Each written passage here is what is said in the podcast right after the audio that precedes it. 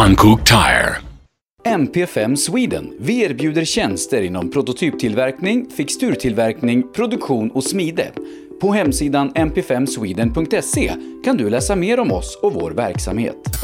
Nybe AB. Med bas i Småland är vi verksamma i södra Sverige med byggentreprenad för såväl stora som små projekt, för industrier, större fastigheter och villor. Tillsammans erbjuder kompetens inom byggnation, projektledning, planering, VVS, plåtslageri och kringtjänster som till exempel leverans med kranbil. Vi har även ett komplett byggvaruhus i Eneryda. Nybe är totalentreprenör som kvalitetssäkrar ditt projekt från idé till verklighet.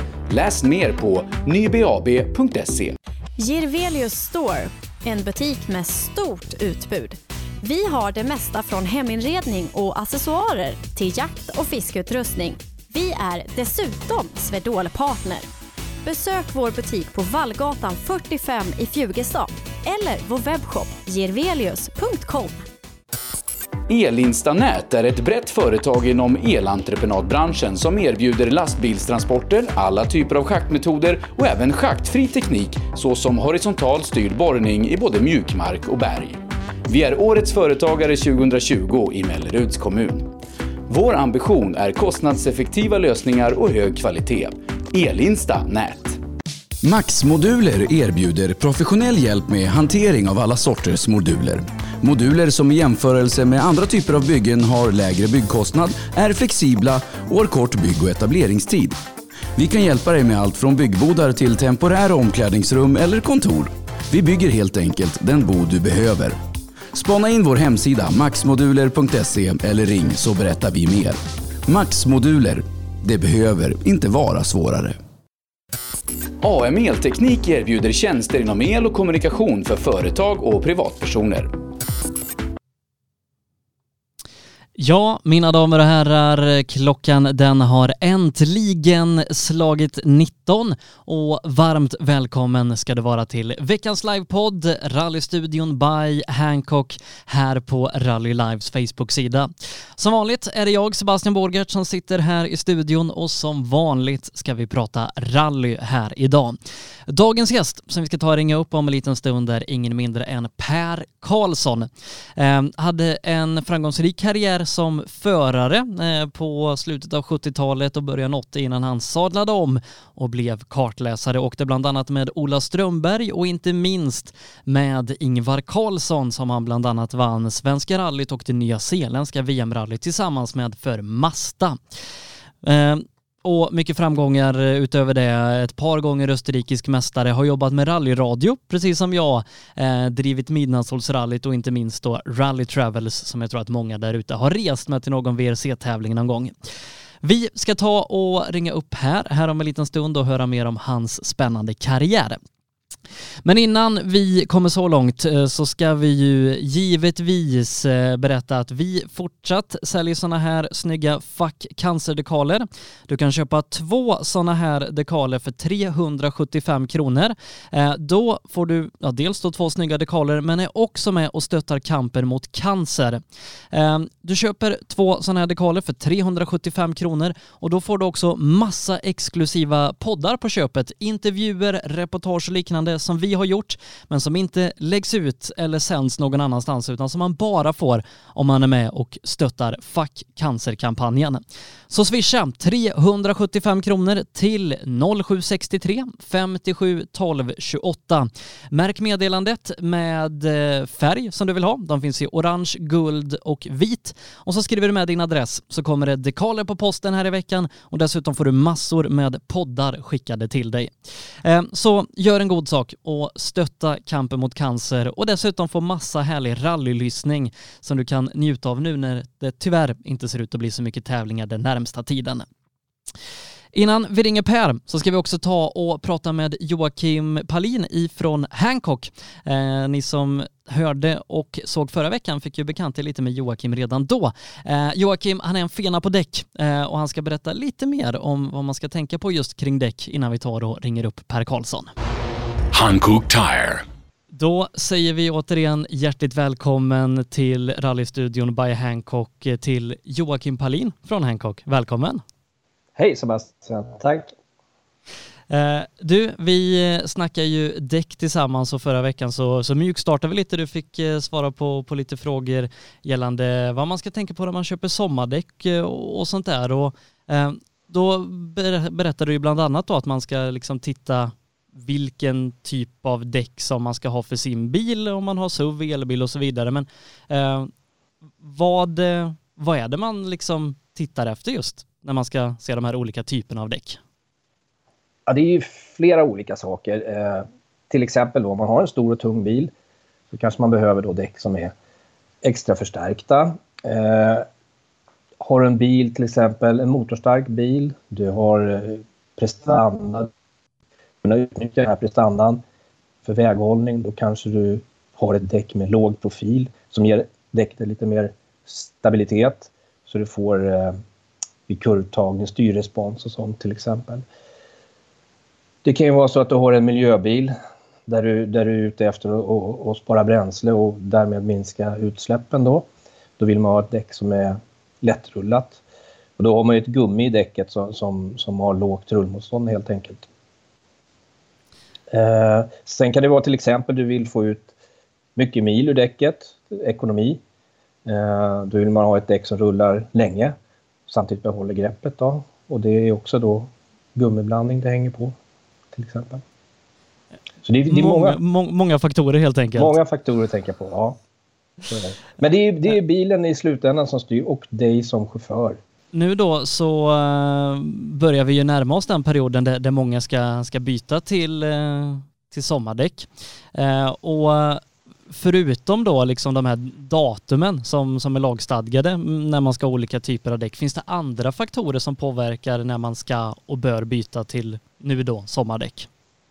Ja, det finns ju flera orsaker till det här. Vi har ju ganska, speciellt nu på, på våren så är det ganska tajt. Det är 15 april som gäller och verkstäderna har rätt svårt att hinna med att byta allting. Så att mitt råd är eh, att vi säger att 5 plus 5 grader är gränsen eh, när man ska byta. Så att nu på våren när medeltemperaturen blir över plus 5 grader så är det dags att byta till sommardäck. Och likadant på hösten då när medeltemperaturen går under plus 5 grader så byter man. Det gör ju då att om, om alla väntar till sista datumet så får ju verkstäderna väldigt mycket att göra. Det blir väldigt mycket köer och sånt. Så att, eh, fem grader är en bra mätstock tycker jag. Eh, lite då beroende på var man bor i Sverige så, så kanske man eh, eh här inom någon vecka börjar närma sig då eh, just de här fem graderna man ska hålla utkik efter. Eh, du Joakim, stort tack eh, för att vi fick svara på de här frågorna så eh, hörs vi nästa vecka. Tack själv, tack.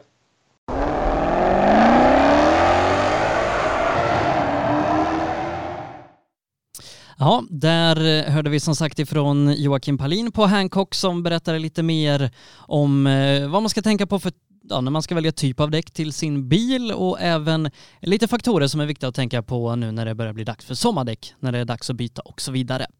Nu ska vi inte prata mer däck, eller ja det kanske vi ska göra allt eftersom, men vi ska prata rally. Vi ska göra det tillsammans med dagens gäst som är ingen mindre än Per Karlsson som alldeles strax finns med oss på telefon. Ska vi se, hallå Per? Ja, hej, hej. Hallå, hallå. Hallå, hallå Per. Nu är du med i rallyradion här. Välkommen. Ja, tack så mycket. Eh, du Per, hur är läget med dig en, en måndagkväll så här i mitten på mars? Jo, det är bara, bara bra. Eh, vi jobbar här framåt med våra, våra event som vi ska ha nu här i år och alltihop och vi ser fram emot att och få köra igång igen. För det har varit lite, lite, vad ska man säga, ja, som läget är nu här så har det ju varit rätt så lugnt. Så att, eh, vi ser fram emot att få starta upp igen.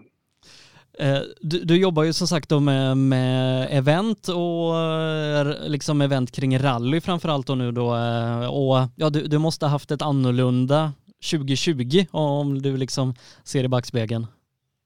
Ja, det vart ju ingenting. Det vart ju Svenska rallyt vart, det var det enda som vi som vi kunde genomföra 2020 och eh, ja, Så att det, det, var inte mycket alls eh, som sagt var, men eh, vi försökte och eh, eh, vad ska jag säga, steppa upp lite på både på mm, då Rally Travels och på Midnattsåsrallyt då som jag har hållit på med också. Och eh, förbereda till den dagen vi kan köra igång igen. Eh, förhoppningsvis så är inte den dagen allt för långt borta. Men vi ska ju prata lite mer eh, historik idag tänkte jag. Eh, och eh, du har hållit på med rally väldigt länge va? Ja det har jag ju. Det, intresset började väl ungefär när jag var en 13-14 år och eh, en utav eh, våra, våra grannar, Jerry Torpfeldt, han var ju då um, rallyförare. Så han tog ju med mig och sen dess så så vart man biten utav det och uh, har fortsatt sedan dess. Uh, men uh, det måste varit någon gång i slutet 60-talet, början 70-talet som, som du blev biten så att säga? Ja, det var det. Så att sen började jag 73, 74 och började då och köra och eh, hölls på till, ja vad vart det? Det vart väl 83, 84 någonstans där. Men liksom det, det som, eh, som rallybiten tonåring, eh, var, var ambitionen att bli framgångsrik som förare eller var det redan då liksom tanke att kanske bli kartläsare? Nej, det var ju, det var ju förare. Och eh, eftersom eh, jag kommer från Örebro så hade vi ju många runt omkring oss eh, i området där så man var ju verkligen, verkligen taggad och, och eh, jag hade ju förmånen då att vi hade ju en samlingsplats, eh, en, en BP-mack eh, där vi samlades alla örebroarna runt omkring det och naturligtvis då Stig Blomqvist eh, som, som var allas, ja vad ska man säga, allas favorit och vi såg upp mot honom. Så att man var ju lycklig och kom i en sån situation så att det fanns hemskt mycket rally runt omkring en. Uh, men uh, du började ju köra uh, själv där och i någonstans början, mitten av 70-talet och, och då var det Saab som gällde va? Ja, det var det. Man började ju då med en Saab V4 då med huvrem, ett par extra ljus och en hasplåt. Det var så man började och då var det en tävling som hette Hallsbergsjakten utanför Hallsberg. Då en eh, jättepopulär eh, OTA-tävling, det här med vändsträckor och det som man började.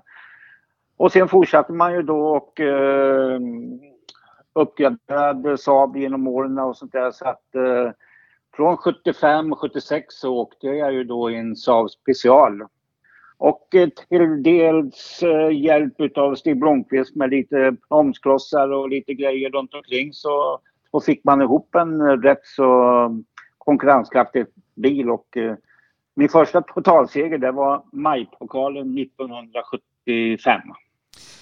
Om, om jag har kollat rätt i de gamla arkiven så hade du en viss Kenneth Eriksson som kartläsare någon tävling? Ja, det var han som ägde den här BP-macken i Örebro. Så det är inte vår kända Kenneth Eriksson som har åkt VM. Nej, det, det, var inte så bra eh, helt enkelt.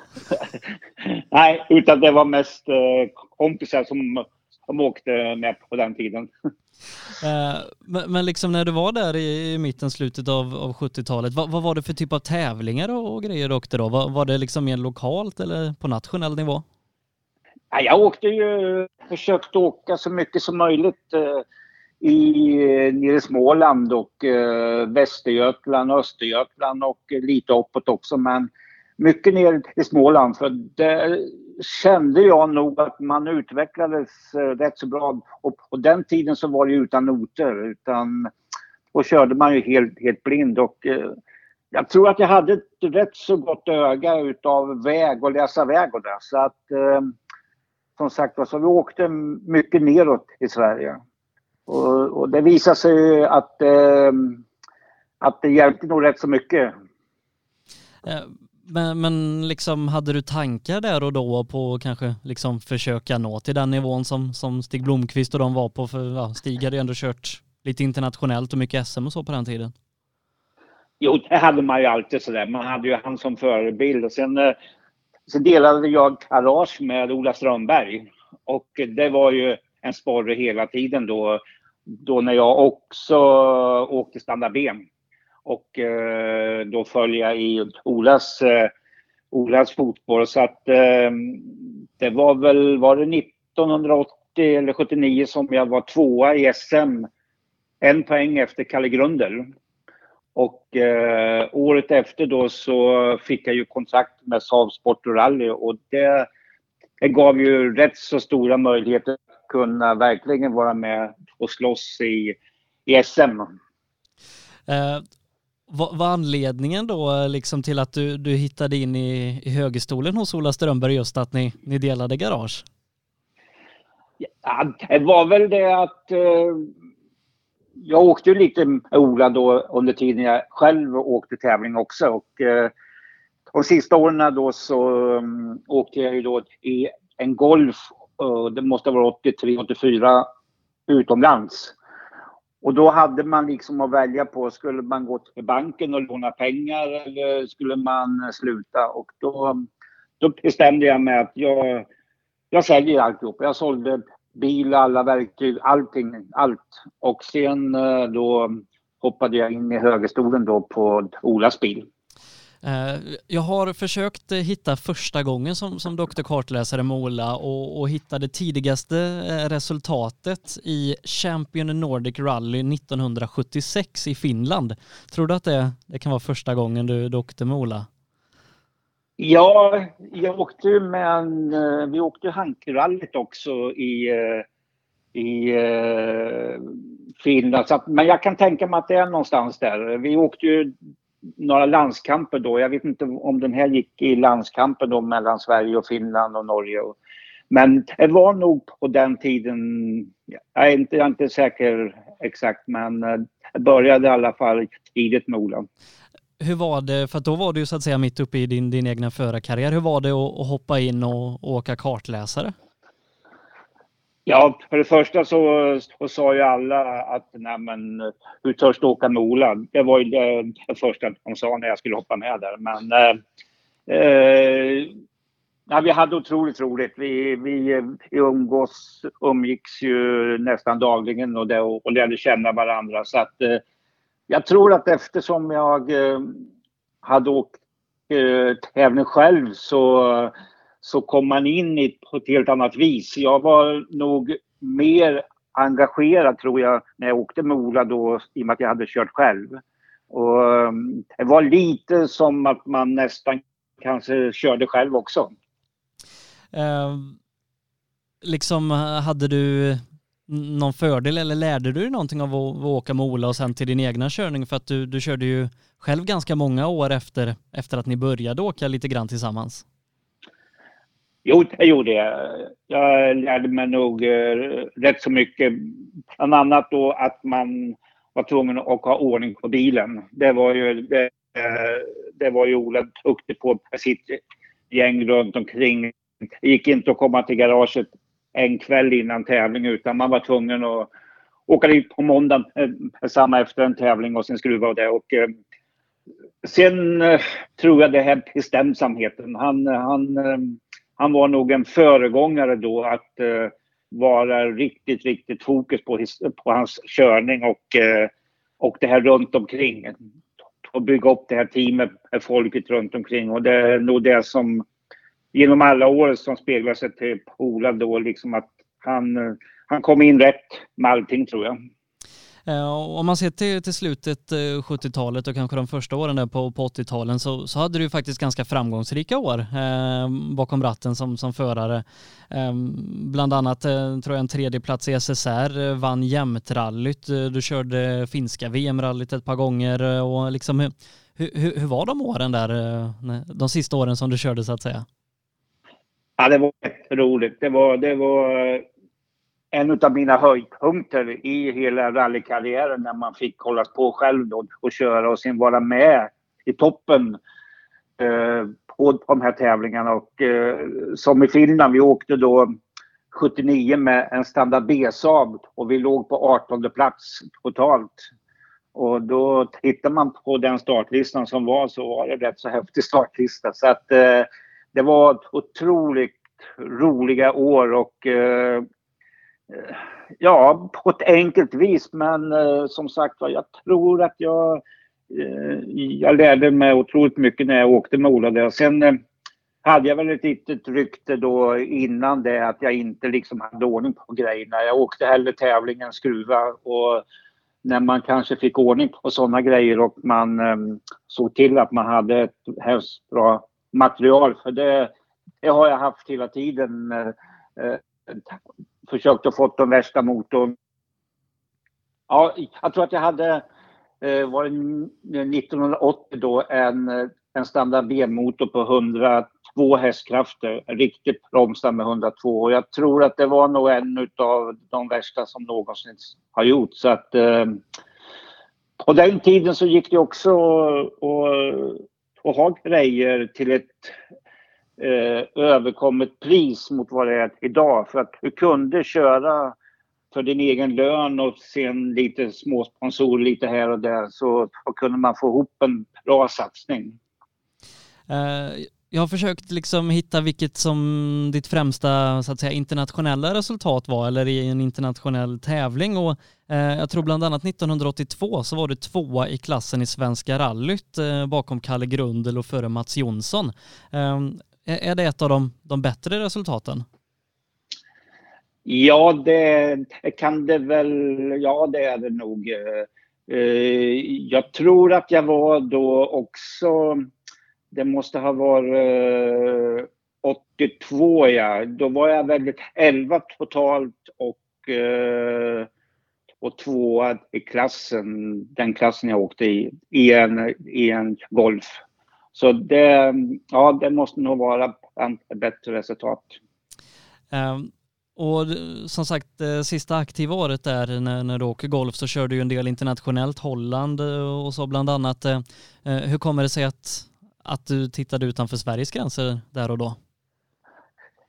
Att det var en, en eh, Volkswagen-dealer nere i Holland då som eh, jag fick kontakt med så att eh, han stod för det mästerskapet det året. Och det var ju otroligt roligt och lärorikt att komma dit nere utomlands när man aldrig hade varit nere på den. Eh, man har ju varit i, Finland och där runt omkring och åkt tävling men inte nere i Holland och det, allting runt omkring. Så det var otroligt eh, roligt att vara med om det. Så att eh, den, den tiden var också kul. Det var bara synd att det liksom inte gick ända ända fram där det var mycket tekniska problem under det året. Um, men från 84 egentligen så, så kan man väl säga att du, du blir kartläsare uh, och, och lägger så att säga förarhandskarna på hyllan.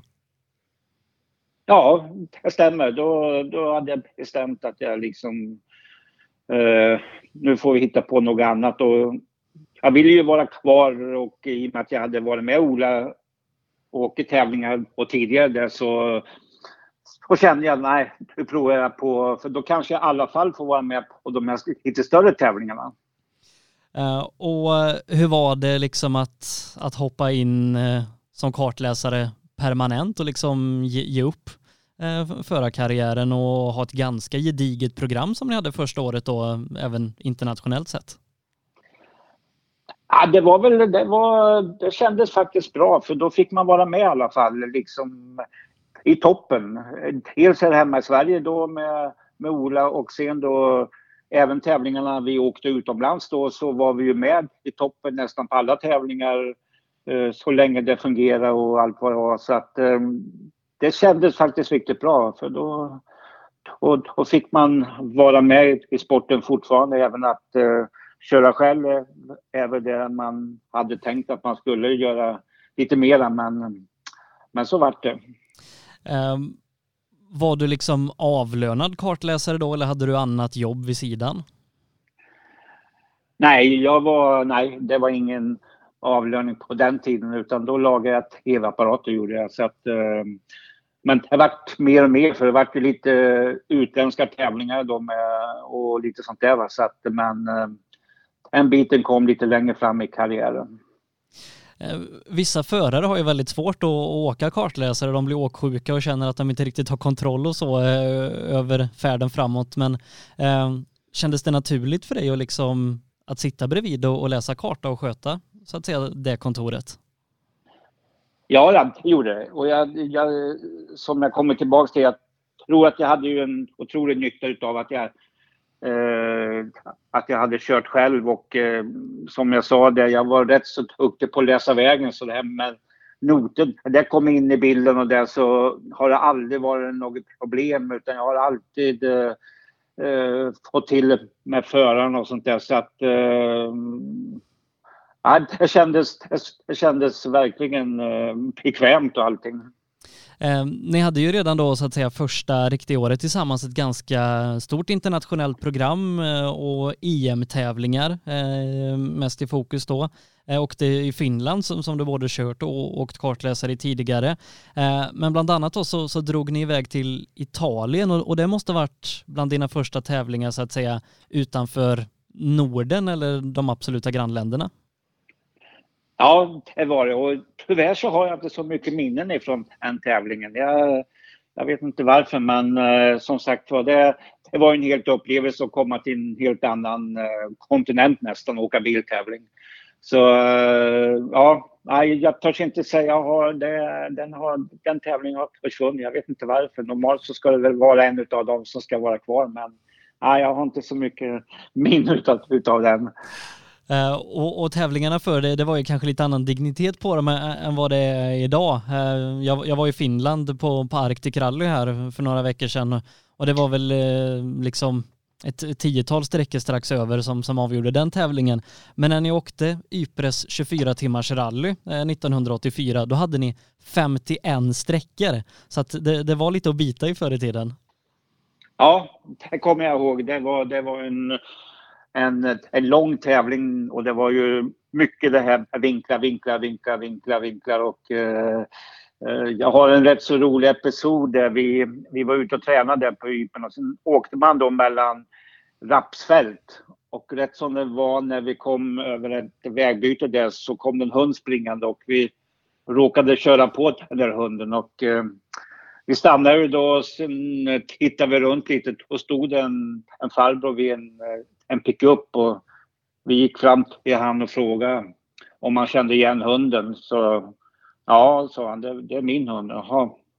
Men jag gör inte så mycket. Han var för gammal i alla fall, sa han farbrorn. så det var en liten rolig episod då när vi åkte. Och det är en sån där som, är, som man har kvar i minnet. Uh, och det måste även varit eh, senare det året, eh, eller under det året, första gången som du åkte eh, RAC-rallyt.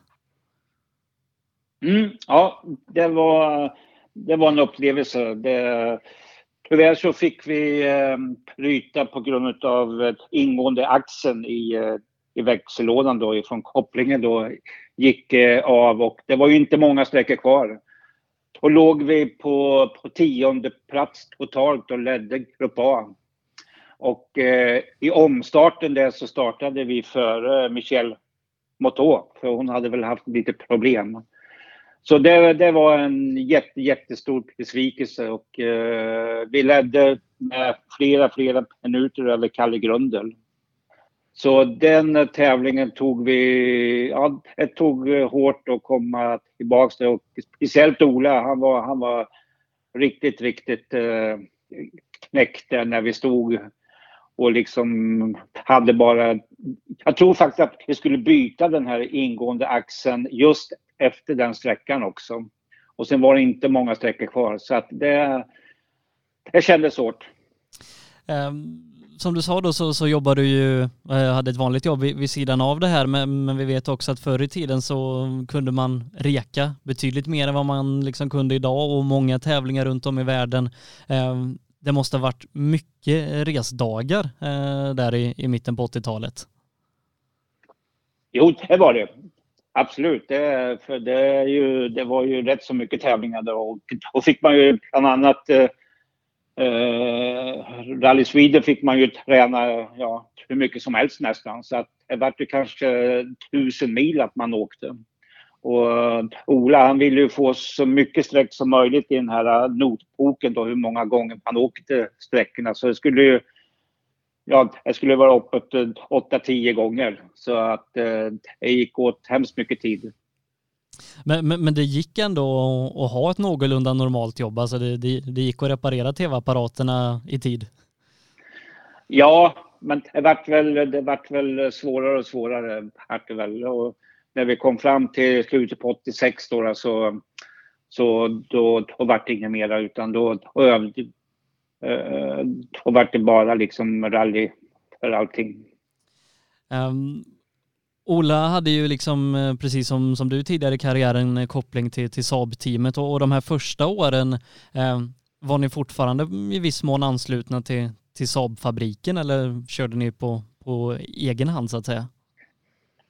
Nej, Ola hade ju hemskt bra kontakt med Saab och jag vet ju inte hur mycket det var som de, men det var ju mycket det här med Saabs Portorally och eh, med med Saab. Så att vi var ju ofta typ uppe i Sälen och skjutsade Saab-folk och, och, och sånt där runt omkring också för Saab. Så att eh, det, man hade ju hemskt bra support ifrån den tekniska avdelningen och det på Saab. Så att eh, det var många som hjälpte till på Saab eh, fast de kanske inte fick göra det.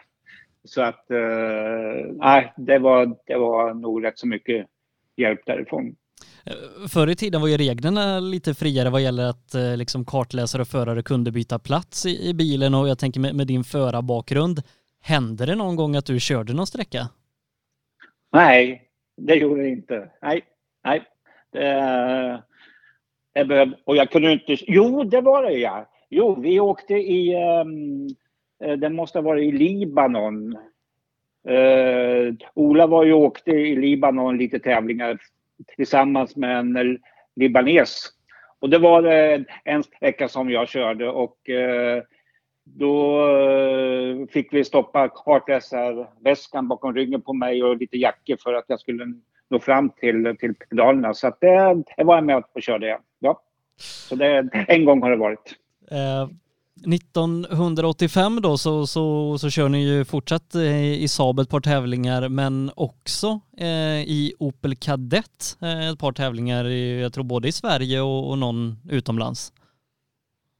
Ja, i Sverige så hade vi ju då en, eh, en Olas egna kadett och eh, sen åkte vi Hynstrukrallyt med en fabrikskadett. Eh, och jag tror att det var när vi var i Toyota Olympus rally i uh, Seattle så ringde de och frågade om vi inte kunde köra den här Opel-kadetten. Så då, då var vi med där och uh, åkte första gången med en, uh, en Opel då på asfalten då på de här övningsområdena i Tyskland. Och det var, det var, det var riktigt häftigt men det var lite svårt att komma ifrån, eh, då, ifrån en grustävling direkt och sen sätta sin asfaltstävling. Och eh, Open var väl inte speciellt lättkörd heller så att eh, men det var ett, trevligt eh, år när vi åkte den här kadetten och eh, det var ett roligt gäng runt omkring då med, med Pelle Tjärnell som var en drivande i Opel Team Sweden. Eh, för just eh, USA där och Olympus rally. Eh, Ola hade ju kört en del i, USA tidigare, eh, men då hade han nog amerikansk kartläsare. Ehm, men 1985 så, så hoppade du in där och hur var det att, att åka rally i USA eh, på 80-talet? Ja, det var ju, det var ju något speciellt. Liksom. Det var ju ingen som visste vad rally var överhuvudtaget. Vi, vi var ute och, tränade och det, och det var mycket timmervägar som de körde timmertransport på och eh, just den tiden som rallyt var så var det mycket transporter och det kunde man få stå och vänta en tre, fyra timmar för att kunna köra förbi en timmerbil för de var helt, helt, eh, de, de visste ju inte vad rally var och vad vi gjorde där. Och, och när vi, när vi startade i, i Tubewater i, i Seattle då, mitt inne i stan, så, var det, så gick folk liksom och, och ruskade på huvudet. Liksom, vad är det här för något? Men eh, en otroligt eh, bra tävling. Jättefina vägar och allting och organisation och, och alltihopa var kanon. Så att, eh, men ehm, eh, mediamässigt och alltihopa där i USA, det, det, var, det var liksom ingenting. Måste varit lite exotiskt ändå för, för amerikanerna att se en Saab 99 köra rally i, i Seattle. Ja, och det var ju folk som kanske då visste vad en Saab var. För Saab var ju rätt och stort bort i Amerika, men um, när de såg de här Audi Quattro då ifrån Mikkola och uh, Valdegård var också med där och åtminstone en Toyota då så undrar de ju liksom vad är det för bilar och uh, när vi startade där inne, på, inne mitt inne i stan då och man startade från startbryggan och det var första sträckan och sen åkte vi fullt in i stan. Då, men det var inte många som stod och tittade kan jag säga. Uh, 1986 så, så åker ni Ford, uh, du och Ola. Uh, det, var, det var en framhjulsdriven variant va? Ja, det var det. Det var en, en sån här Escort Turbo och det var en otroligt häftig bil rakt fram. Den gick eh, riktigt, riktigt bra. Tyvärr så var det väl lite svårt att få till alltihopa det här med väghållning och, och eh, eh, ja, dels väghållning var väl rätt så mycket jobb med så att eh, men, men det var en otroligt kul bil och eh, jag tror att den, den passade nog in Ola rätt så bra med hans reda körstil och det för man sladdade otroligt mycket men det var det skulle behövas jobbas kanske lite mer då väghållning på den tiden. Eh, men 86 blev väl sista hela säsongen med, med Ola? Du, du hoppade in någon gång senare, men det blev väl sista året där ni åkte så att säga helt och hållet tillsammans? Ja, det var det. För att jag, eh, när sista tävlingen gick i VM då 86, RAC-rallyt, så åkte jag dit på lite vinst och förlust eh, för att prata lite med Ingvar Carlsson eh, om Masta inför 1987 för han skulle byta kartläsare. Så att jag fick lite tips där att åk dit och prata med dem. Så att jag åkte dit. Så att eh, det var 86 eh, var, var sista tävlingen då som jag officiellt åkte med Ola. Eh, men de där samtalen borta i RAC måste gått ganska bra för att eh, till 87 så sitter ju du och Ingvar i, i samma bil. Ja, det, jag gjorde det. Jag, jag var den, Torsten Palm, en gammal välkänd kartläsare som lotsade runt med där i England och eh, vi träffade lite folk och Ingvar och det och, och pratade med honom och sen gick det väl kanske ett par veckor så eh, ringde han och sa att ja, nu är det klart nu ska vi åka ner till Mastad i Bryssel och skriva kontrakt. Så att eh, det gick fort. Så innan jul och det så hade vi redan hunnit vara nere och, och åkt en sväng innan, innan Monte Carlo-rallyt. Men du var liksom kontrakterad också då av, av Mazda-fabriken? Ja, jag var kontrakterad utav, utav Mazda Rally Team Europe då med, med Achim Warnborn. Så att jag hade mitt eget kontrakt och det var ju otroligt stort att kunna få betalt och eh, få alla de här, eh, vad ska man säga, ja, runt omkring för att bli eh, kartläsare i VM. Så att, eh, ja, det, det, det kändes otroligt roligt. Hur var liksom den här Mastan, eh, själva bilen, att, att åka där i, ja, i slutet av, av 80-talet? Var det en bra rallybil? Ja, absolut. Jag menar 87 då, då var det ju då var det första året som det var i VM och det var så att Mazdan var ju en vinnarbil då. Så att eh, den var, den var, den var riktigt bra och eh, ett, eh, ja, ett mycket bra team som, som satsade eh, riktigt bra på det och eh, framgångarna kom ju efterhand så att eh, det, det var ett, ja, ett bra och organiserat rallyteam. Eh, men där i slutet på 80-talet eh, så, så åkte, ni åkte inte hela VM-serierna och det, det kanske liksom överlag inte team och förare gjorde men ni åkte ju vissa utvalda tävlingar. Ja, det gjorde vi. Eh, ifrån början så var det ju vi och eh, Ingvar och jag och, eh, och Imo Sallinen och eh, Hanno Mikkola. Så att eh, vi, eh, vi skiftade ju lite på tävlingarna. Det, de tog väl ut om som de trodde då Ingvar skulle vara duktig på, så han var ju som en andra förare om man säger.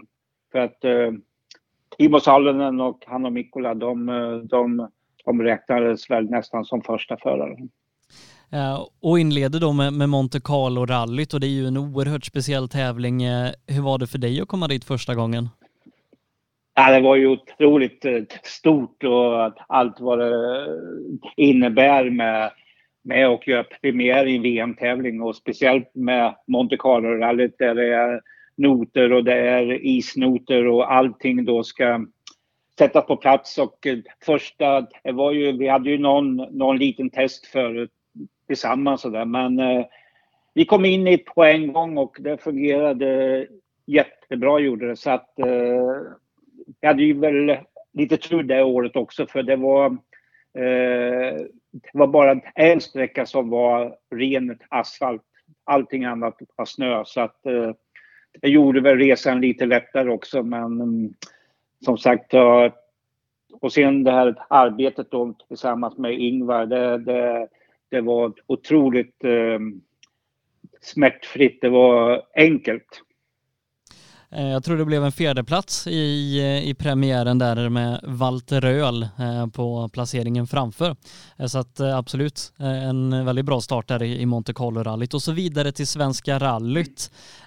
Och att liksom sitta i en fabriksbil och åka VM på hemmaplan, även om du åkt tävlingen många gånger innan, men det måste ändå känns lite extra.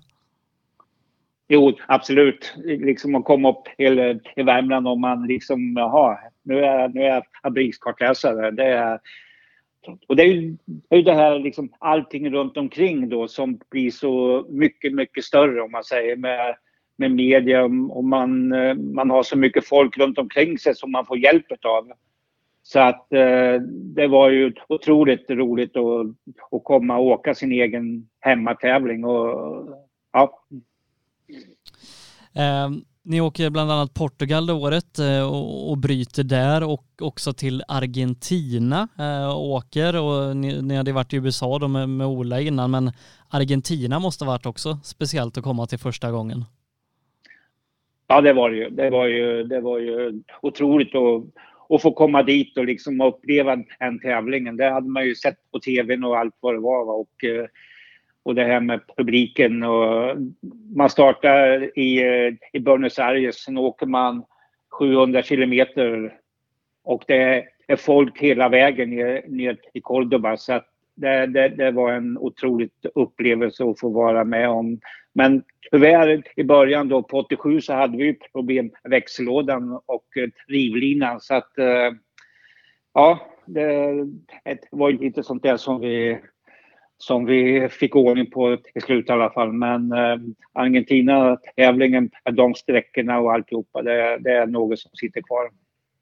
Eh, och Österrike är ju ett land som ligger dig varmt om hjärtat. Vi ska komma med till, till eh, vad du gjort tävlingsmässigt där senare i karriären, men eh, avslutar 1987 med en andra plats i en EM-tävling i, i Österrike. Måste vara, vara en bra avslutning på säsongen.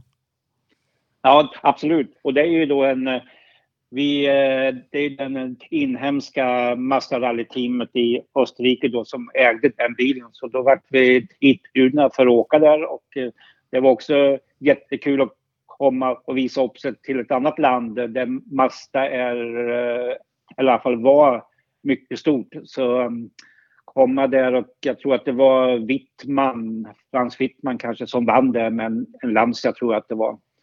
Så det var, det var en bra avslutning på, på 1987. Hade ni liksom redan, redan då ett flerårskontrakt eller fick man förhandla nytt varje år?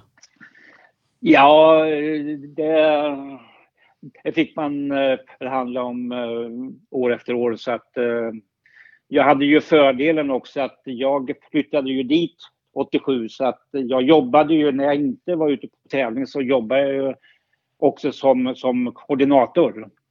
Så för mig så visste jag nästan att jag hade liksom jobb nästa år men det här kartläseriet och det, det, var, det var per år var det. Så att, eh, men som sagt var, de var hemskt enkla att, att ha att göra med varmboll där så att eh, det, det fungerade bra. Eh, det blir en fortsättning då eh, med, Ingvar i Masta 1988 eh, och tyvärr ingen upprepning av det bra resultatet i Monte Carlo utan ni, bryter väl på en transportsträcka Nej, jag tror inte att det stämmer riktigt där. Jag, mm. vi, vi, vi åkte av gjorde vi och fick bryta. Så att jag tror inte att det stämmer riktigt där utan vi hamnar långt ner i ett, i ett, ett dike där publiken hade sparkat ut lite snö. Um, och, och, du gör lite, lite inhopp där under året också. Bland annat hoppar du tillbaka till Ola Strömberg och åker Rally Jordanien i en Saab 900 Turbo. Ja, det var det jag berättade om när jag ja. körde en utav, jag tror att det var sista sträckan jag körde där. Ja, det, det, var ju, det var, det var en upplevelse också att köra där nere och eh, vi åkte ju då ehm, eh, i tränat tillsammans med kungen där, eh, eller kronprins var han väl då. Eh, nu ska vi se, vad hette han nu i Jordanien? Där. Ja, nu kommer jag inte ihåg vad han hette, men det var en, det var en otrolig upplevelse att åka en sån tävling. För det var ju hemskt, hemskt speciellt var det. Eh, finska VM-rallyt eh, det året åker du väl med Harjoki i, i Lancia? Ja, ja det, det gjorde jag. jag hade frågat mig och i och med att jag eh, inte skulle åka med Mazda där så fick jag lov att åka dit och eh, åka med Harry och det var en, det var en eh, jätteupplevelse också. Det, Harry som de flesta känner, han är ju, han är ju seriös på alla sätt och vis. Så att, eh, det var eh, det var faktiskt ett riktigt bra resultat även att vi hade problem med, med koppling och där så tror jag att vi kom åtta eller något sånt där totalt. Så äh, det, var, det var en riktigt rolig tävling. Det, började med att vi krockade med, eh, med vår träningsbil som var min egen Lancer. Jag hade köpt en Grupp N-bil så en, en försvann efter en dag. Sen fick vi ha hyrbil. Så ja, det var, det var ett, eh, ett bra minne. Uh, och, och, du och Ingvar hade ju också ett ganska, ganska framgångsrikt år, eller i alla fall avslutning på det i Rally Australien, som jag inte tror ingick i VM det året, utan uh, kördes i det Asia Pacific-mästerskapet, där ni lyckas vinna. Ja, det var, det var väl den första stora tävlingen liksom som, som, vi, som vi vann och det var, det var ju då en, en förtävling till eh, 1989 års VM-tävling. Då, då, Så att eh, det var ett bra startfält och det var otroligt fina sträckor och eh, en helt ny kontinent med rally. Och det var ju också det att det var det var inte så stort intresse men det var större och större intresse desto närmare man kom rallyt och sen eh, under rallyt så, så var det faktiskt otroligt mycket folk ute och tittade på den första stora tävlingen i Australien. Men liksom rent personligt, det, det måste vara en stor upplevelse att komma till Australien första gången, bara uppleva landet? Ja, det är det ju. Oh ja, det är liksom, man kommer med ett helt, eh, ett helt tomt papper när man landar och, liksom, och tar tag i allting. Och var på den tiden, då skötte jag också den koordination och alltihopa så att jag fick ju göra serviceplan och alltihopa. Vi hade ju skeppa över containrar med reservdelar. Sen fick man ju hyra bussar och lastbilar bort till Australien och sätta ihop allting på plats. Så eh, bara det här att komma ut på landsbygden där, det, det, var, ja, det var otroligt. Och det är också sånt där som sitter kvar hemskt, eh, hemskt länge. Och eh, det som är roligt med det ifrån 1988 det är att jag har fortfarande de som var med i tävlingsledningen kontakt med. Så Aha. ja, så det, det, det känns riktigt, riktigt bra. Uh, jag kan tänka mig att 1989 är ett år som du, du minns tillbaka på med ganska mycket glädje. Ja, det gör jag. Det gör jag. Det är väl liksom vinna två stycken VM-tävlingar under ett år. Det är, eh, det är, ja, det är en eh, riktig höjdare att få vara med om. Eh, det blir ju då tredje året tillsammans med, med Ingvar i, i Mastan eh, och liksom för, förutom ja, tävlingarna och, och det andra jobbet som, som du gjorde där i, i Masta, eh, höll ni på med utvecklingsarbete då? Testade man och, och provade fram grejer? Nej, det var inte så mycket på den tiden. Det var det inte. Det, det var inga sådana här testdagar och han var ju på några testdagar men inte alls i närheten utav eh, vad eh, som det var som det är nu. Och, det var ju nästan aldrig liksom att kartläsaren var med när det var någon test och sånt där. Utan det man testade var ju mycket med när det var sådana här jippon, pressjippon och återförsäljare och sånt där. Va? Så att men renodlade testningar, det, det, var inte så, det var inte så mycket. Så att eh, det var mycket som eh, bilarna var ju väl inte så avancerade på den tiden om man säger. Va? Så att det var ju det kanske inte var så där riktigt mycket att behöva testa ut nya saker och sånt där. Så att, eh, det, var, det var mycket som testades under tävlingar också var det. Uh, men Svenska rallyt då, eh, 1989, eh, berätta lite, hur, hur var tävlingen? Ja, det var ju det var lite speciellt för det var ju hemskt mycket isföre, is och grus före. och det gick ju otroligt fort gjorde det. det, det det var en snitthastighet som var rätt så hög på den tiden. Och inga snövallar nästan, lite grann snövallar. Men vi var ju med ända ifrån början där och eh, hade väl ett, under kontroll nästan hela, hela tävlingen tycker jag. Så eh, det enda problemet det var, det var ju det här med däcken för att vi hade ju hemskt mycket däck med oss. Vi, vi, jag vet inte hur många men vi hade ju en två stycken fulla lastbilar då för, eh, för två bilar. Och naturligtvis så var det ju ett däck med en viss dubb som gick bäst.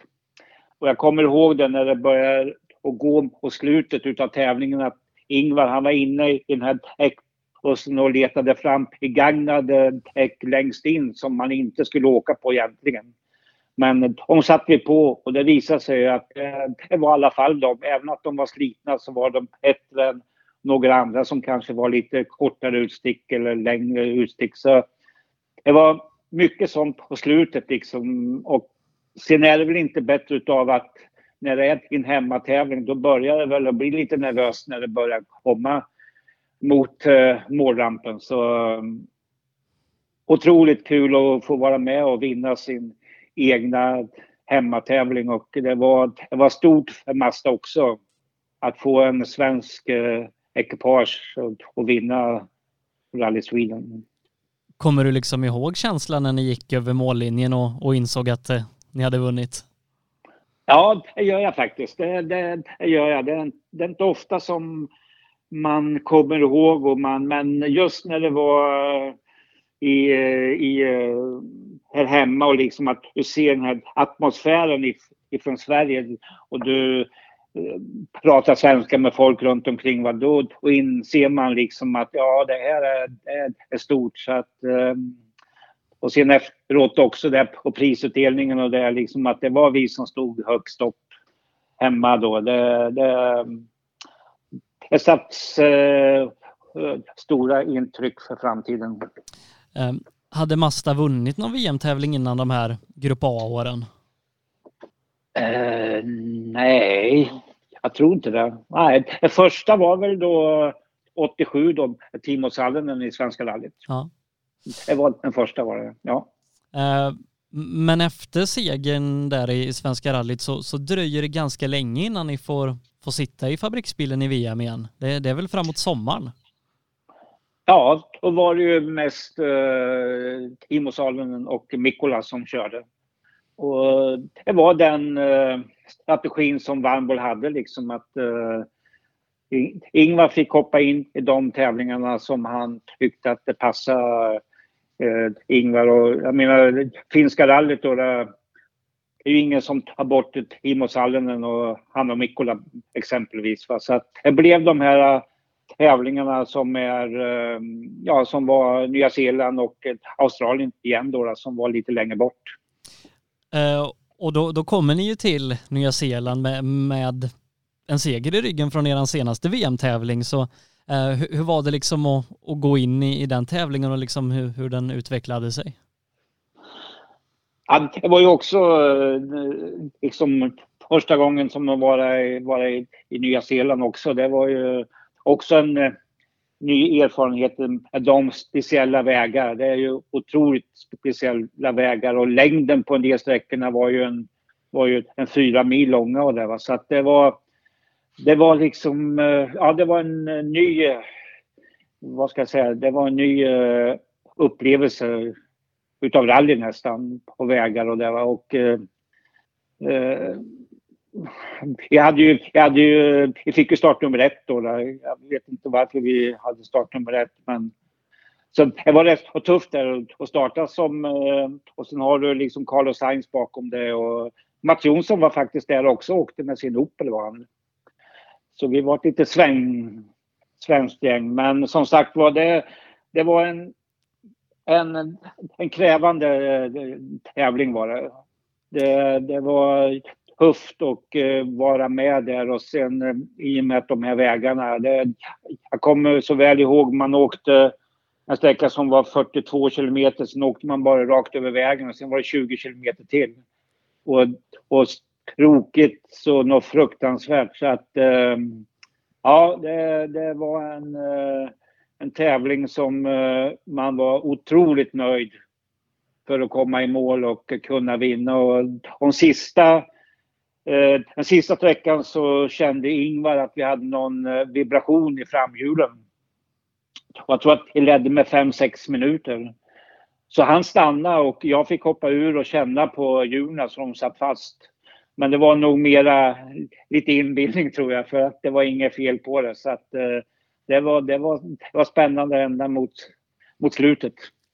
Men ändå helt fantastiskt att ni vinner två VM-tävlingar i rad eller de två som, som ni körde i rad. Ja, och ja, ja, det, ja, det, det man, jag tror att när det var den tiden så fattade man inte riktigt eh, att man har gjort det. Va? Men eh, nu efteråt så så är det ju otroligt kul att ha med sig det i, i bagaget. Um, vidare till Australien då, eh, lite senare där på året. Eh, en tävling som ni vann året innan, men, men tyvärr så, så får ni bryta, jag tror redan på, på någon av de första sträckorna. Ja, det stämmer det. Så att det var, det var lite, eh, vad ska man säga, det, det försvann på en gång nästan där. Så att eh, det var ju problem med motorn där så vi försökte i det längsta men det gick inte och det var, var synd för jag tror att vi hade kunnat kunna vara med där i toppen eh, eh, igen och det hade varit fantastiskt om vi hade kunnat fått med oss ett, ett bra resultat ifrån eh, Australien också. Men, men liksom två segrar på, på två körda tävlingar, gav det något liksom eko inom teamet? Eh, mer förtroende eller var, var det andra team som blev intresserade efter de här framgångarna?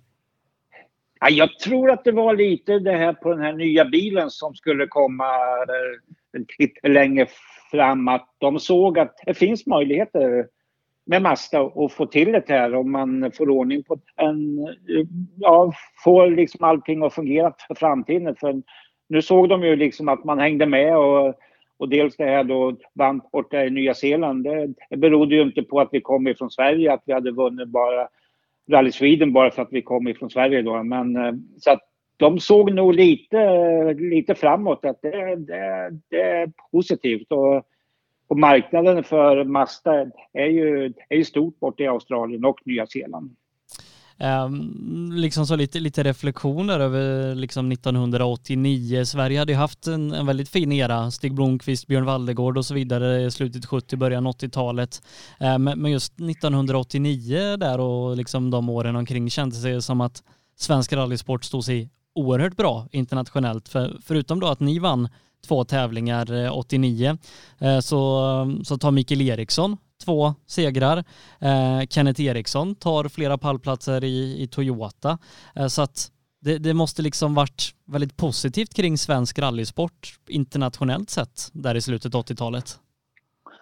Jo, men det märktes ju. Det märktes ju liksom på, på media och alltihopa runt omkring. Att det var ju mera, mera prat om svenskarna och eh, för Ingvars del så fick ju han lite mera kontakter också för, för framtiden för att åka lite andra bilmärken. Så att det var ju det var ju flera stycken som hörde av som kan inte komma hit och åka med våran bil där och så och så. Va? Så att eh, eh det var väl de här åren som vi hade en hemskt bra eh, eh, förare ifrån Sverige och, och eh, så att det var, det var nog eh, en början kanske till det man trodde skulle liksom smitta av sig mera på framtiden. Och det. Eh, sen kliver vi in i, i 90-talet och eh, det blir väl lite mindre starter för er i, i Mastan då. Jag tror bara ni åker två tävlingar eh, 1990 i VM. Ja, det var väl bara i Nya Zeeland och Australien och eh, ja, det var det som vart då som sagt var när Timo och Hannona, han och Mikkola var, ehm, var de de satsade på och eh, jag jobbade ju heltid då i Masta då eh, på alla VM-tävlingar då som koordinator. Och i vissa tävlingar så var, var inte Warnborg med på tävlingarna utan då fick jag ta över eh, ledarskapet för att sköta ett fabriksteam så det var för min del var det ju hemskt mycket jobb. Um, ni blir tvåa uh, i Nya Zeeland efter Carlos Sainz uh, och en femteplats i Australien det året och så åker ni en del BMW i Tyskland. Ja, det var ju en gammal vän till uh, Ingvar då, Hacke Motorsport, som hade en sån här riktig M3 Eh, en eh, racingbil med en högerstol för kartläsare, brukar jag säga. Det var otroligt rolig upplevelse att få åka in eh, i en sån bil och det Ingvar bakom ratten på en sån här BMW, det var fantastiskt. Det, det, det var bara, bara att njuta. Och, eh, vi hade ju rätt så bra framgångar där i Tyskland det året när vi åkte med den bilen. Så att eh, det var en otroligt rolig tid och jag tror att eh, Ingvar han, eh, han kände det också att det var okej, okay, han saknar ju att åka VM-tävlingar men det här var också en grej som var riktigt roligt. Och så åker ni en Mercedes 190 i en EM-tävling i Spanien. Ja, det var också ett team eh, ifrån Ulm i, eh, i Tyskland då, som hade den här Mercedesen. Och den hade ju eh, Ingvar Åker tidigare i också och vi åkte den här på Kanarieöarna. Tyvärr så åkte vi in i en, en stor sten där på någon av de här alpvägarna uppe i, i bergen uppe på så att det tog slut där. Men det var också en sån där rolig och det var lite fight mellan eh, Hacke som ägde den här BMWn och Mercedesen då vilken bil vi skulle åka med. Så att de var lite avundsjuka på varandra där.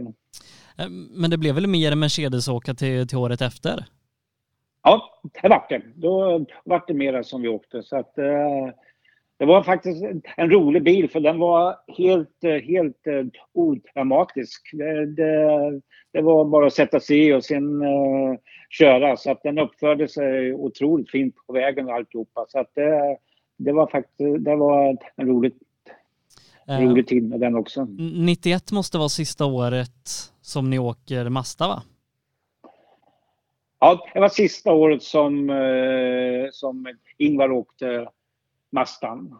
Och eh, det slutade ju inte så bra i Australien utan det vart en, vi kom ut lite i lösgruset och tappade fästet tillbaka så att det var en riktig rullning och eh, en bilen då kom ju sen i Sverige faktiskt eh, som hon köpte bilen och köpte någon kaross och plockade ihop den här så att det var väl inte så roligt eh, avslut med med eh, Mazda och Ingvar där. Men jag fortsatte ju för Mazda höll sig på fortfarande 92, 93 och utveckla sin nya, nya GTR. Så att jag var kvar fortfarande där och var med där och åkte lite med han och Mikkola. Um, ehm, du åker lite också borta i arabländerna 92-93, Dubai ehm, med Ingvar och Qatar tror jag med, med Kalle Grundel. Ja, det stämmer bra det. Med, med Kalle där i Qatar, det var ju en otroligt... Eh, att komma dit och åka ut i öknen i princip. Och eh, vi hade också ett, ett, bra team från Tyskland där som skötte bilen där så att eh, eh, och slåss med de här eh, grabbarna som, som kommer därifrån. Och när tävlingen var slut så, så hade vi vunnit tävlingen men eh, det vart ingen prisutdelning på kvällen som det skulle bli och allt vad det var. Det, vart inställt och sen skulle resultatlistan komma upp klockan 10 på dagen därpå och då visade det sig att det var en inhemsk som hade vunnit. Så att, eh, det var tråkigt. Det, det hade varit kul att ha vunnit den och det hade det varit värt det teamet också för de fick byta växellåda under rallyt och skruva rätt så mycket. Så att eh, det var en liten besvikelse men, men så kan det bli i rallyvärlden också. Ja visst kan det det. Eh, 94 eh, så är det väl tillbaka i högerstolen eh, mer med, med Ingvar men, men tävlar i Sverige? Ja, åkte vi en, eh, en Opel Astra. Det var väl en Grupp N då, som vi åkte i. Så att det var Opel Team Sweden då med, eh, med Pelle Tjärnel då som eh, hade sett till så att han fick Ingvar fick köra den bilen så att det, det var faktiskt rätt så kul på en helt annan nivå. Det, det var seriöst och alltihopa men som sagt var lite enklare och det var så att det, det vart ju, ja, det vart ju bra resultat också när vi när vi körde den, inte totalt sett som kanske Ingvar hade hoppats mera på men man fick ju räkna liksom i klassen och eh, det, var, det, var, det var då när det var Rally Sweden då när vi åkte den här var, kändes faktiskt rätt så rätt så bra att köra en sån bil för det var lite lugnare och allt vad det var runt omkring och det var så och då var det ju ett rätt så bra resultat där också. Men det, ni måste ha åkt i team med Per Svan då? Han åkte ju kanske i en annan klass men det måste ha varit samtidigt som, som ni var där? Ja, det var det. Så det var ju kul att, att få vara med runt omkring han när han körde och, det, och, och hans team. Så att det, det fungerade jättebra. Men, men var du fortfarande liksom så att säga professionell kartläsare då eller hade du gått tillbaka till något mer normalt jobb? Nej, jag, jag, jag kom aldrig till, jag har aldrig kommit tillbaka till något normalt, normalt jobb. Så, utan jag, eh, ja, jag, jag har på mig lite runt omkring den motorsporten med eh, juniorlandslaget och lite sånt där. Och, så det fanns alltid något att hålla på med. Eh, Harry-Jocke har vi pratat om, du åkte med tidigare i, i Lancia då, eh, men 95-96 så åker du för VV Motorsport Sweden tillsammans med Harry-Jocke. Ja, och det var ju som jag sa förut, eh, det var alltid kul att vara med Harry för det var ju, det var ju liksom eh, satsning både på, på bil och allting runt omkring och, och seriös och är väl den som liksom jag har åkt med som har varit mest eh, det här tänkande runt omkring och allt. vad det var. Så att eh, det var väl mycket under de här två åren kanske. Ja, ibland så fick vi ordning på bilen, ibland inte och det var mycket fram och tillbaks. Men när, när allting fungerade och det så var det jättebra. Det var, det var, han var en otroligt duktig förare. Men hur var det för dig att liksom gå från att åka ett fabriksteam i VM och jobba dels för också att vinna VM-tävlingar till att gå, gå tillbaka och åka i, i Sverige och SM? Ja, det gick väl rätt så bra för att det var ju liksom på en, en rätt så hög nivå. Jag menar det var ju den högsta nivån du kunde åka i, i Sverige typ med teamet då ifrån. Det fanns ju inte så många renodlade eh, ja, team i Sverige om man säger rallyteam. va. Men eh, typ Harjoke han var ju en av de, eh, de bättre teamen han tänka mig. Så att Okej, okay, skillnaden är ju rätt så stor och det var, men nej, det var, det var, det var faktiskt, det var, det var bra. Det var, det var något som man såg fram emot eh, varje tävling. Men, men längtade du tillbaka till VM-cirkusen?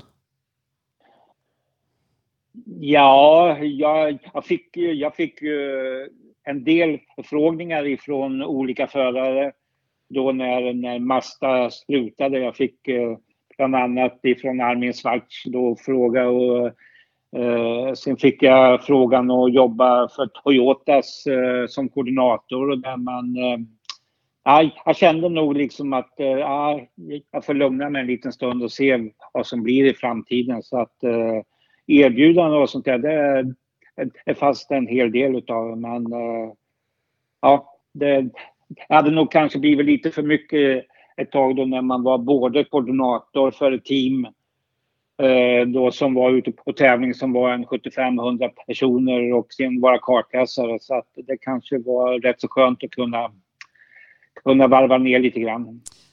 Men 1997 så är du ju tillbaka i VM-cirkusen. Ja, jag fick ett telefonsamtal utav eh, Ragnar Spjut. En, en, han en också en känd svensk eh, kartläsare då att eh, det fanns en österrikare som heter Rafael Sperre som, som eh, sökte en kartläsare. Och eh, ja, vi kom överens och eh, de betalade, han betalade en rätt så bra för att vara kartläsare där så att sa nej, jag kan väl prova och se igen hur det är. Och eh, Rafael han hade ju ett riktigt bra team. Eh, han var ju eh, uh, återförsäljarföreningen i Österrike då som hade det här teamet som han skötte och, det, och sen hade han hemskt bra kontakt med Renault Sport så det kändes faktiskt riktigt, riktigt bra där. Det enda problemet vi hade innan Rally Portugal det var att eh, Rafael han pratade inte så bra engelska. Så vi hade jätteproblem det här med noter och, och han förstod ju inte svenska då när jag läste, eller engelska när jag läste engelska noter och det. Så att, eh, det var tufft, hemskt, hemskt tufft från början men, men sen vart det bättre och bättre så att ehm, det var en ett roligt år för han satsar ju riktigt rejält. Så, så 97 var ett mycket lärorikt år på ett helt annat vis. Eh, ni åkte ju då en Renault Megane Kitcar och det hette väl typ två liter FIA World Cup eller någonting. Det mästerskapet från bilarna. Eller F2, ja, kanske det eh, men, men du läste noter på, på engelska, inte tyska? Nej, vi, eh, ja, vi använder ju både svenska, tyska och, eh, och äh, engelska. Så att det vart en mix. Och han, när vi kom hem ifrån Rally Portugal då, då tog han engelska kurser och det så att eh, då vart det vart bättre.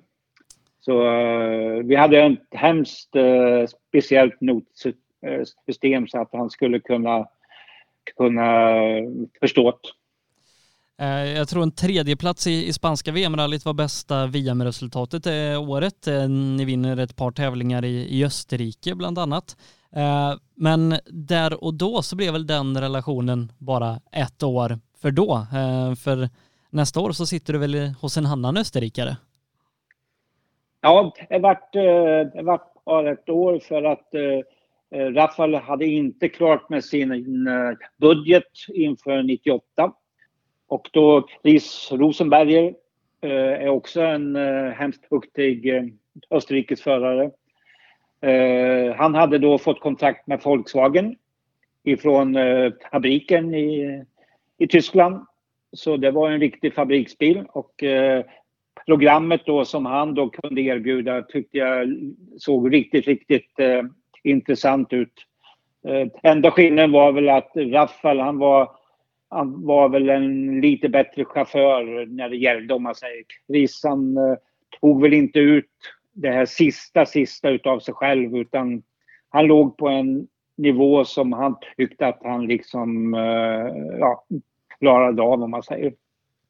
Um, men ni har ju ett, ett bra VM-program eh, i den här Golf 3 Kit Car eh, och är det första gången som du åker Safari-rallyt 98? Ja, det är det. Det, det eh, var den första och sista gången var det.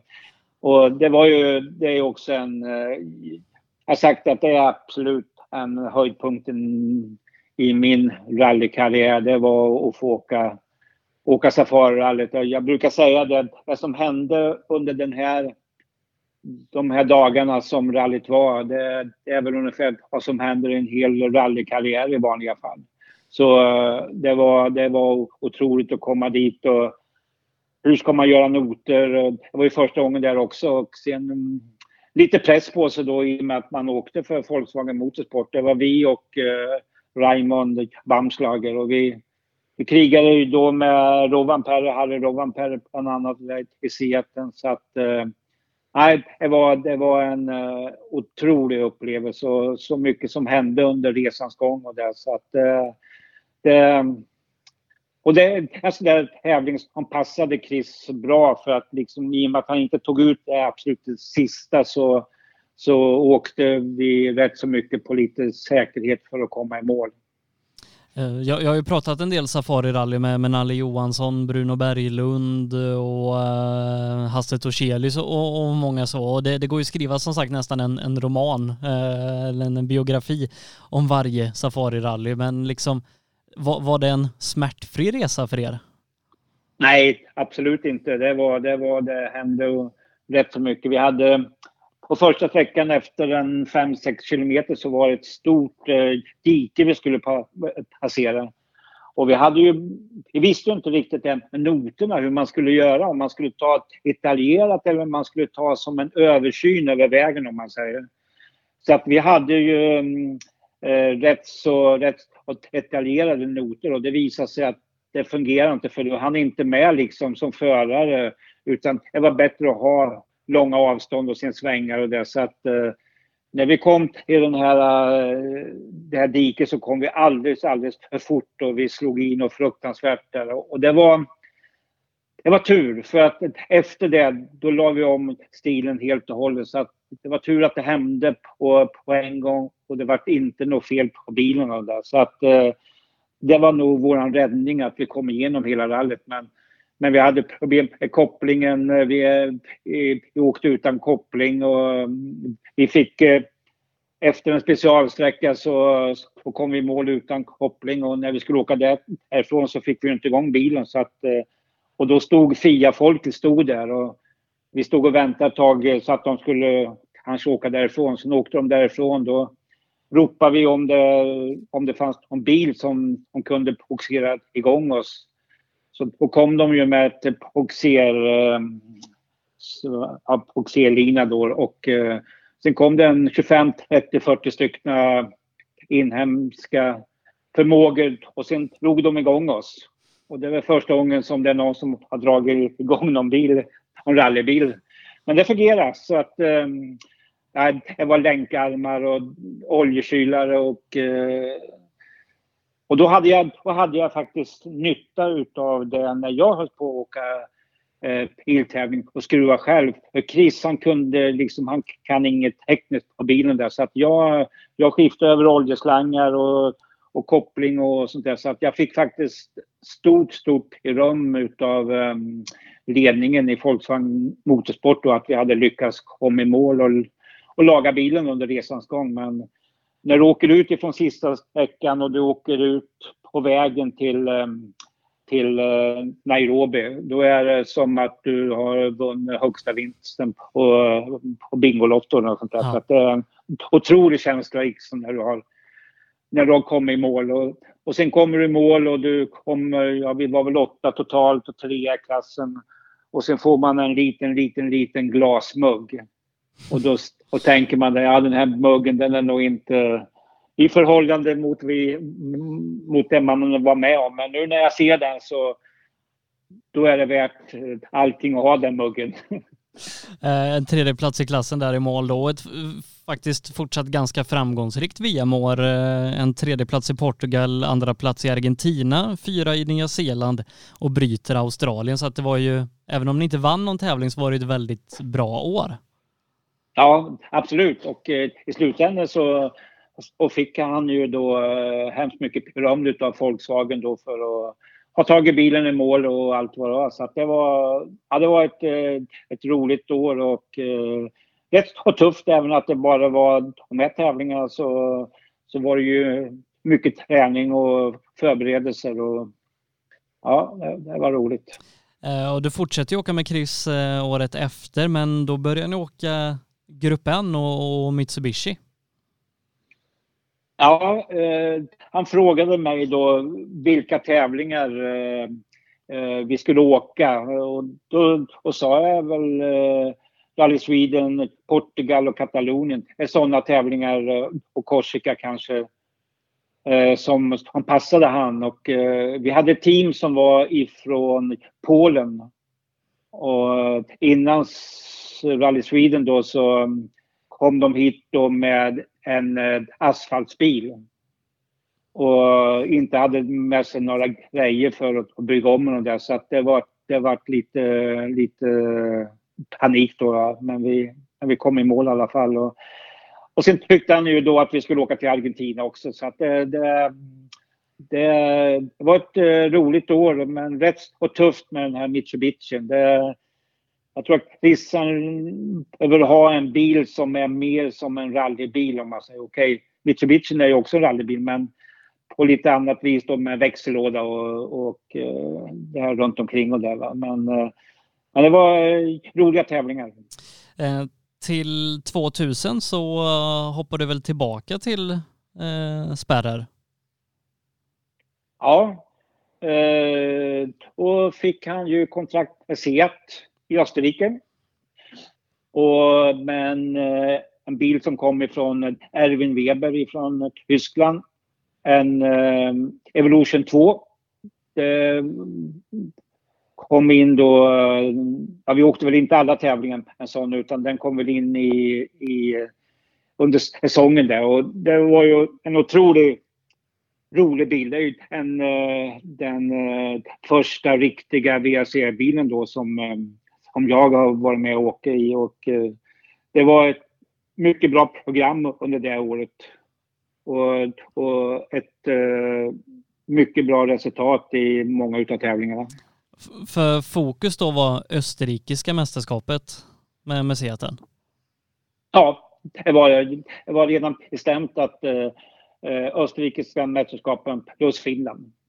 Eh, och det går väl så pass bra att ni blir mästare med jag tror fem segrar? Ja, det kan nog stämma det. Det kan nog stämma det. Vi var rätt så överlägsna på, på de flesta utav tävlingarna. Det var vi. Eh, men bodde du i Sverige då eller bodde du i Österrike? Nej, då bodde jag i Sverige. Jag, jag flyttade tillbaks 90, jag flyttade tillbaks 93 ifrån Belgien ner till Skåne, till Kristianstad. Um, och eh, som sagt, ett mästerskapsguld 2000 i österrikiska mästerskapet och ni fortsätter ju åka ihop även 2001, men då blir det Peugeot 206 VRC. Ja, och fick han eh, kontrakt med Peugeot Österrike.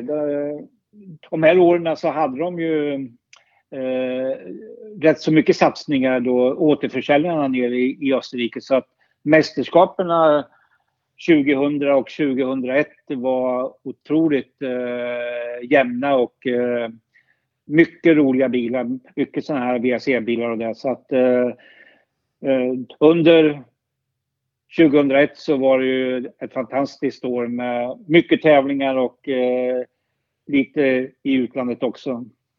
Eh, och jag tror att ni slutar på samma poäng som alltså ettan och tvåan i mästerskapet det året. Ja, det var några år där som vi gjorde det. Och eh, jag vart ju... Eh, där får man ju pris som, som kartläsare också så blir man mästare där. Så att jag vart... Eh, jag vart vi kom på samma poäng också kartläsarna och sånt där, men jag hade nog mer något så att... Så att jag vart österrikisk mästare både 2001 och 2000. Ja, och du åker med, med en polack också, där får du nog nästan hjälpa mig med uttalet. Lukas? Stucka. Stucka. Stucka. Uh, ja. Uh, ja, det var rätt så kul där, för i och med att jag hade ju kontakten med Seat med Erwin Weber. Och då ringde han och sa att vi har lite problem med en, eh, en polack som kör våran Seat. Om du kan komma och hjälpa lite grann och åka med han så att han, eh, han hade, han hade kraschat hemskt mycket och, och där. Så att då frågade Erwin Weber om jag kunde komma dit och det, efter lite över, övertalning och det så gjorde jag det och det, det var också en, en grej som var riktigt roligt för då var det ju en Evo 3, den senaste. Eh, Seaten då, den senaste och sista som de gjorde. Och eh, jag kom dit och inte hade träffat han. Han kom och hämtade mig på flygplatsen. Vi åkte direkt och skulle träna första tävlingen. Och eh, vi satte i oss där i, i träningsbilen och sen då åkte han fullt. Han åkte så mycket det gick med en vanlig standardbil och jag skulle skriva noter. Och det gick ju inte. Det, det fanns ju inte en chans att jag skulle hänga med och det. Så att, men så gjorde de. De åkte fullt allihopa från början. Jaha. Så att eh, jag sa åt honom efter 3-4 kilometer. Du, nu får du stanna här. Ja, vadå då? Ja, men eh, jag är här för att hjälpa dig lite grann. Så att nu åker vi tillbaks till starten. Vi åkte tillbaks till starten. Jag sa att nu åker du max 50 kilometer. Och när vi kom i mål då efter vi hade åkt första sträckan och tränat och skrivit noter. Och sa han det att ja, nu har jag i alla fall noter. Det har jag inte haft förut. Ja. Så att det är liksom det, det och sen åker vi tävlingen och han, jag vet inte var vi var, om det var eh, det här Rally Podski eller den andra tävlingen, törs jag inte. Men vi kom i mål i alla fall tre eller fyra och han var, han var jätte, jätteglad och teamet var glad. Och det, och så att det, det var lite fortsättning med han där. Så det var, det, var, det var roligt att kunna vara med där och, eh, och hjälpa till. Och eh, jag har fortfarande hemskt mycket kontakt eh, med, han, med, med Lukas och ibland så liksom säger han det. Ja, men det var tur att du kom med i alla fall. Uh, och jag tror det blir uh, även 2002 ett österrikiskt mästerskapsguld. Det är i alla fall ett framgångsrikt år uh, tillsammans med Sperrer som väl också är ditt sista år utomlands i karriären 02. Ja, det är det. Det, det vart det. det. Dels och slutade då Rafael det året också.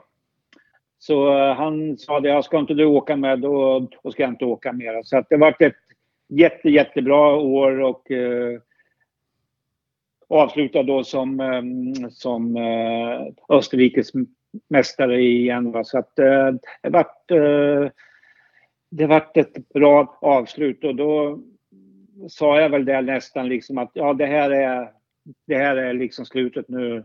Nu har jag gjort mitt. Nu, nu kan jag hitta på något annat. Men eh, du åker ändå rallybil 2003 med, med en eh, då ganska ung kille som heter Tobias Johansson.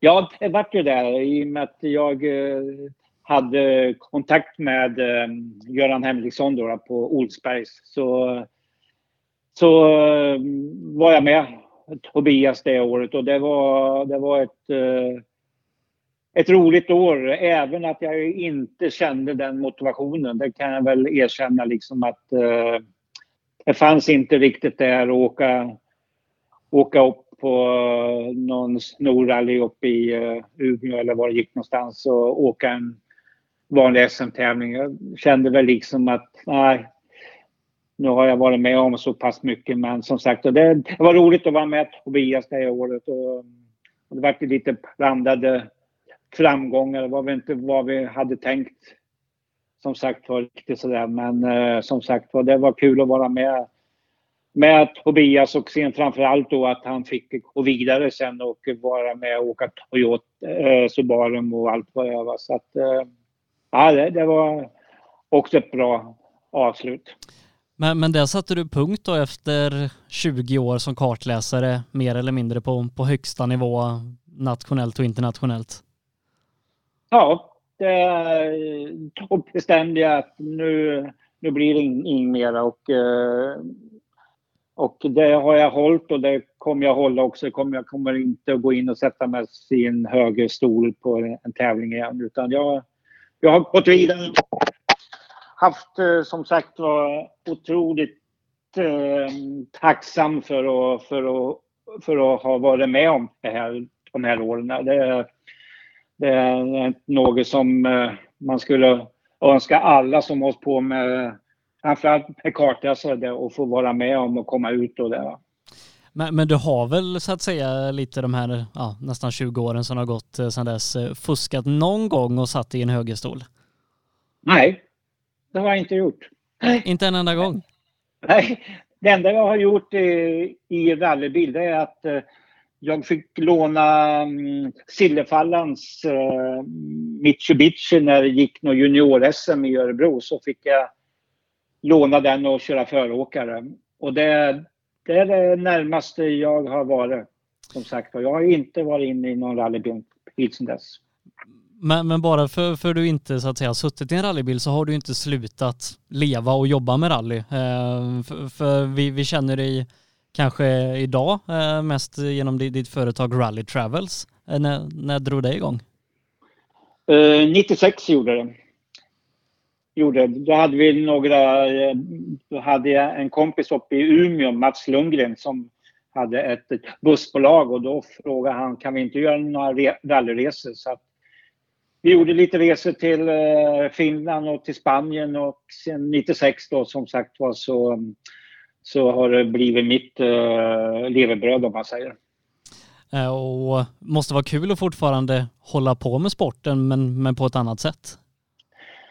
Ja, och det är nog därför jag liksom inte har längtat tillbaks till högerstolen för att jag har ju varit med eh, jag kan väl tänka mig att jag är väl en av dem i Sverige som har varit på mest VM-tävlingar om man säger. Eh, jag är ju då på mellan 8 och 10 VM-tävlingar per år. Så att man får ju vara med där i, eh, i eh, och har hemskt många vänner kvar fortfarande. Och det är väl det som håller ändå ifrån rallyt om man säger att, eh, att köra och, eller att man ska vara kartläsare. Så att eh, får man vara med och det och ja, träffa allt folk och det. Och så har du ju stått i sträckmål med en mikrofon ett par gånger också. Ja, det är rätt så kul faktiskt. Det, det, det var roligt på den tiden det, när man försökte få kontakt och allt vad det var med telefonnätet. Och, och det var faktiskt roligt var det. Jag tyckte, jag tyckte att det var riktigt kul att vara ute och få det här äh, som ni får nu här idag. Det här, eh, efter tio sekunder man är i mål så sträcker man in en mikrofon och får både skäll och ros och allt vad det var. Det, det, var, det var en rolig tid att hållas på med det. Så att, eh, det är faktiskt lite det att man ska inte säga att man saknar, för man saknar ju mycket av det. Men, men som sagt var, det, det, det var kul. Och om frågan skulle komma från mig till exempel, skulle du vara sugen på att prova det igen? Ja, jag vet inte om jag är så uppdaterad, men, eh, men visst visst. Vi, vi har ju till och med din gamla sändarbox. Ja, just det. Ja. ja, men den är inkörd och bra den ja, där. Så att, ja, det är eh, roligt. Och, och, och, eh, ett av projekten som, som du jobbar med nu som vi förhoppningsvis då båda två ska få vara en del av här till sommaren, det är ju det är Midnattssolsrallyt som, som du gjort lite omgångar och ja, då kanske du har nytta av din gamla koordinatorroll när du ska lägga upp en, en sån stor tävling. Det har ju alltid varit min, min dröm att göra en stor tävling. Och nu har jag ju fått hålla på med det här i x antal år och eh, om jag bara talar för årets tävling så tror jag att det kommer bli en hemskt specifik eh, tävling i och med att vi ska vara på Gellerås arena och ha självaste eh, centrum utav rallyt. Och och planeringen är i full gång. Det, vi jobbar, eh, vi har lämnat in alla ansökningar till Länsstyrelsen och alltihopa. Så vi, vi jobbar som att tävlingen ska bli och ehm, förhoppningsvis så står vi där på startlinjen den, den 7 juli. Och eh, allt jobb nu som motorklubbar och organisationen gör eh, mot ett mål som kanske inte blir av. Det är rundransvärt, speciellt eh, i de här tiderna nu med motorklubbar. De är runt och, och skaffar markägartillstånd och allt vad det är och kanske förgäves som man säger. Men det, alla är optimistiska så nej, vi ser framåt mot uh, sommarens höjdpunkt. Ja, det, det gör vi också eh, i, i rallyradion och hoppas innerligt att det blir av. Vi, vi har ju varit en del av Midnattsåsrallyt tidigare år och det är ju fantastiskt roligt att just få vara på den tävlingen med, med all rallyentusiasm som andas kring den. Eh, eh, per, jag har tre avslutande frågor som jag ställer till alla som är med. Eh, den första av dem är, vilken prestation är du stoltast över i din karriär? Ja, det är, det är Safarirallyt. Vilken är den häftigaste plats som du besökt tack vare bilsporten? Och jag vet inte, det, det kanske är samma svar på den frågan. Ja, jag tror att Australien var den häftigaste platsen. Det, det, ja, det, är, det är Australien. Eh, och nu har ju du både då så att säga kört och varit kartläsare så att eh, du, du får väl kanske svara dubbelt på den här frågan. Men vilken är den bästa tävlingsbil du kört eller åkt i? Ja, den bästa det är eh, Peugeot VRC. Ja, det kan jag tänka mig. Det, det måste ju varit nästan helt så att säga ny och up to date när ni åkte den där 0, 01, 02 där. Ja, och det var ingen, det var ingen customer spec eller något sånt där, utan det var en, en renodlad eh, fabriksbil som eh, fabriksbilteamet också kunde ha använt om det skulle behövas. Så att, eh, det var liksom all in. Uh, du Per, uh, du ska ha jättestort tack för att eh, jag fick låna din måndagkväll och prata rally med dig. Det är oerhört roligt att, få, få höra berättelsen om din karriär. Så får du ha en fortsatt trevlig kväll och vecka och så hoppas jag innerligt att vi ses på Midnattssolsrallyt i sommar. Ja, det hoppas jag också. Tack så mycket för att jag fick vara med. Du, det är helt på, på min sida nöjet där och ha en fin kväll och ta hand om dig. Ja, tack så mycket. Hej. Hej. Ja, mina damer och herrar, där pratade vi med eh, Per Karlsson, fick gå igenom hans fantastiska karriär, bland annat med två VRC-segrar 1989 tillsammans med Ingvar Karlsson i Masta. Eh, nästa vecka är vi tillbaka med en ny podd, missa inte det, klockan 19.00 som vanligt. Vi vill återigen pusha för våran kampanj vi har tillsammans med Sunnyside Experience, där vi säljer Fuck Cancer-dekaler. Du köper två sådana här för 375 kronor och är med och stöttar kampen mot cancer. Förutom två dekaler så får du massa exklusiva poddar, intervjuer, reportage som vi har gjort och som vi bara skickar till de som köper de här dekalerna. Exklusiva intervjuer eh, där vi bland annat pratar med eh, Hasse Torselius som vi nämnde. Eh, vi pratar med eh, den gamle WRC-åkaren Hayden Paddon, Björn Nalle Johansson, Leif Asterhag och många andra legender inom rally. Intervjuer som man bara hör om man köper de här dekalerna och stöttar forskningen mot cancer. Swisha 375 kronor till 0763 57 12 28. Märk meddelandet med vilken färg du vill ha. De finns i orange, guld och vit. Skriv också med din adress så att vi kan skicka dem dit. Så får du både intervjuer och dekaler skickade till dig här under veckan. Eh, jag, Sebastian Borgert, tackar så mycket för den här veckan. Ta hand om er, tvätta händer och ja, allt sånt där. Så eh, hörs och syns vi nästa vecka igen. Hankook Tire MP5 Sweden. Vi erbjuder tjänster inom prototyptillverkning, fixturtillverkning, produktion och smide. På hemsidan mp5sweden.se kan du läsa mer om oss och vår verksamhet. Nybe AB. Med bas i Småland är vi verksamma i södra Sverige med byggentreprenad för såväl stora som små projekt, för industrier, större fastigheter och villor. Tillsammans erbjuder kompetens inom byggnation, projektledning, planering, VVS, plåtslageri och kringtjänster som till exempel leverans med kranbil. Vi har även ett komplett byggvaruhus i Eneryda. Nybe är totalentreprenör som kvalitetssäkrar ditt projekt från idé till verklighet. Läs mer på nybeab.se. Girvelius Store, en butik med stort utbud. Vi har det mesta från heminredning och accessoarer till jakt och fiskeutrustning. Vi är dessutom Swedol-partner. Besök vår butik på Vallgatan 45 i Fjugestad eller vår webbshop girvelius.com. Elinstanät är ett brett företag inom elentreprenadbranschen som erbjuder lastbilstransporter, alla typer av schaktmetoder och även schaktfri teknik såsom horisontal styrd borrning i både mjukmark och berg. Vi är Årets Företagare 2020 i Melleruds kommun. Vår ambition är kostnadseffektiva lösningar och hög kvalitet. Elinsta Nät. Max Moduler erbjuder professionell hjälp med hantering av alla sorters moduler. Moduler som i jämförelse med andra typer av byggen har lägre byggkostnad, är flexibla och har kort bygg och etableringstid. Vi kan hjälpa dig med allt från byggbodar till temporära omklädningsrum eller kontor. Vi bygger helt enkelt den bod du behöver.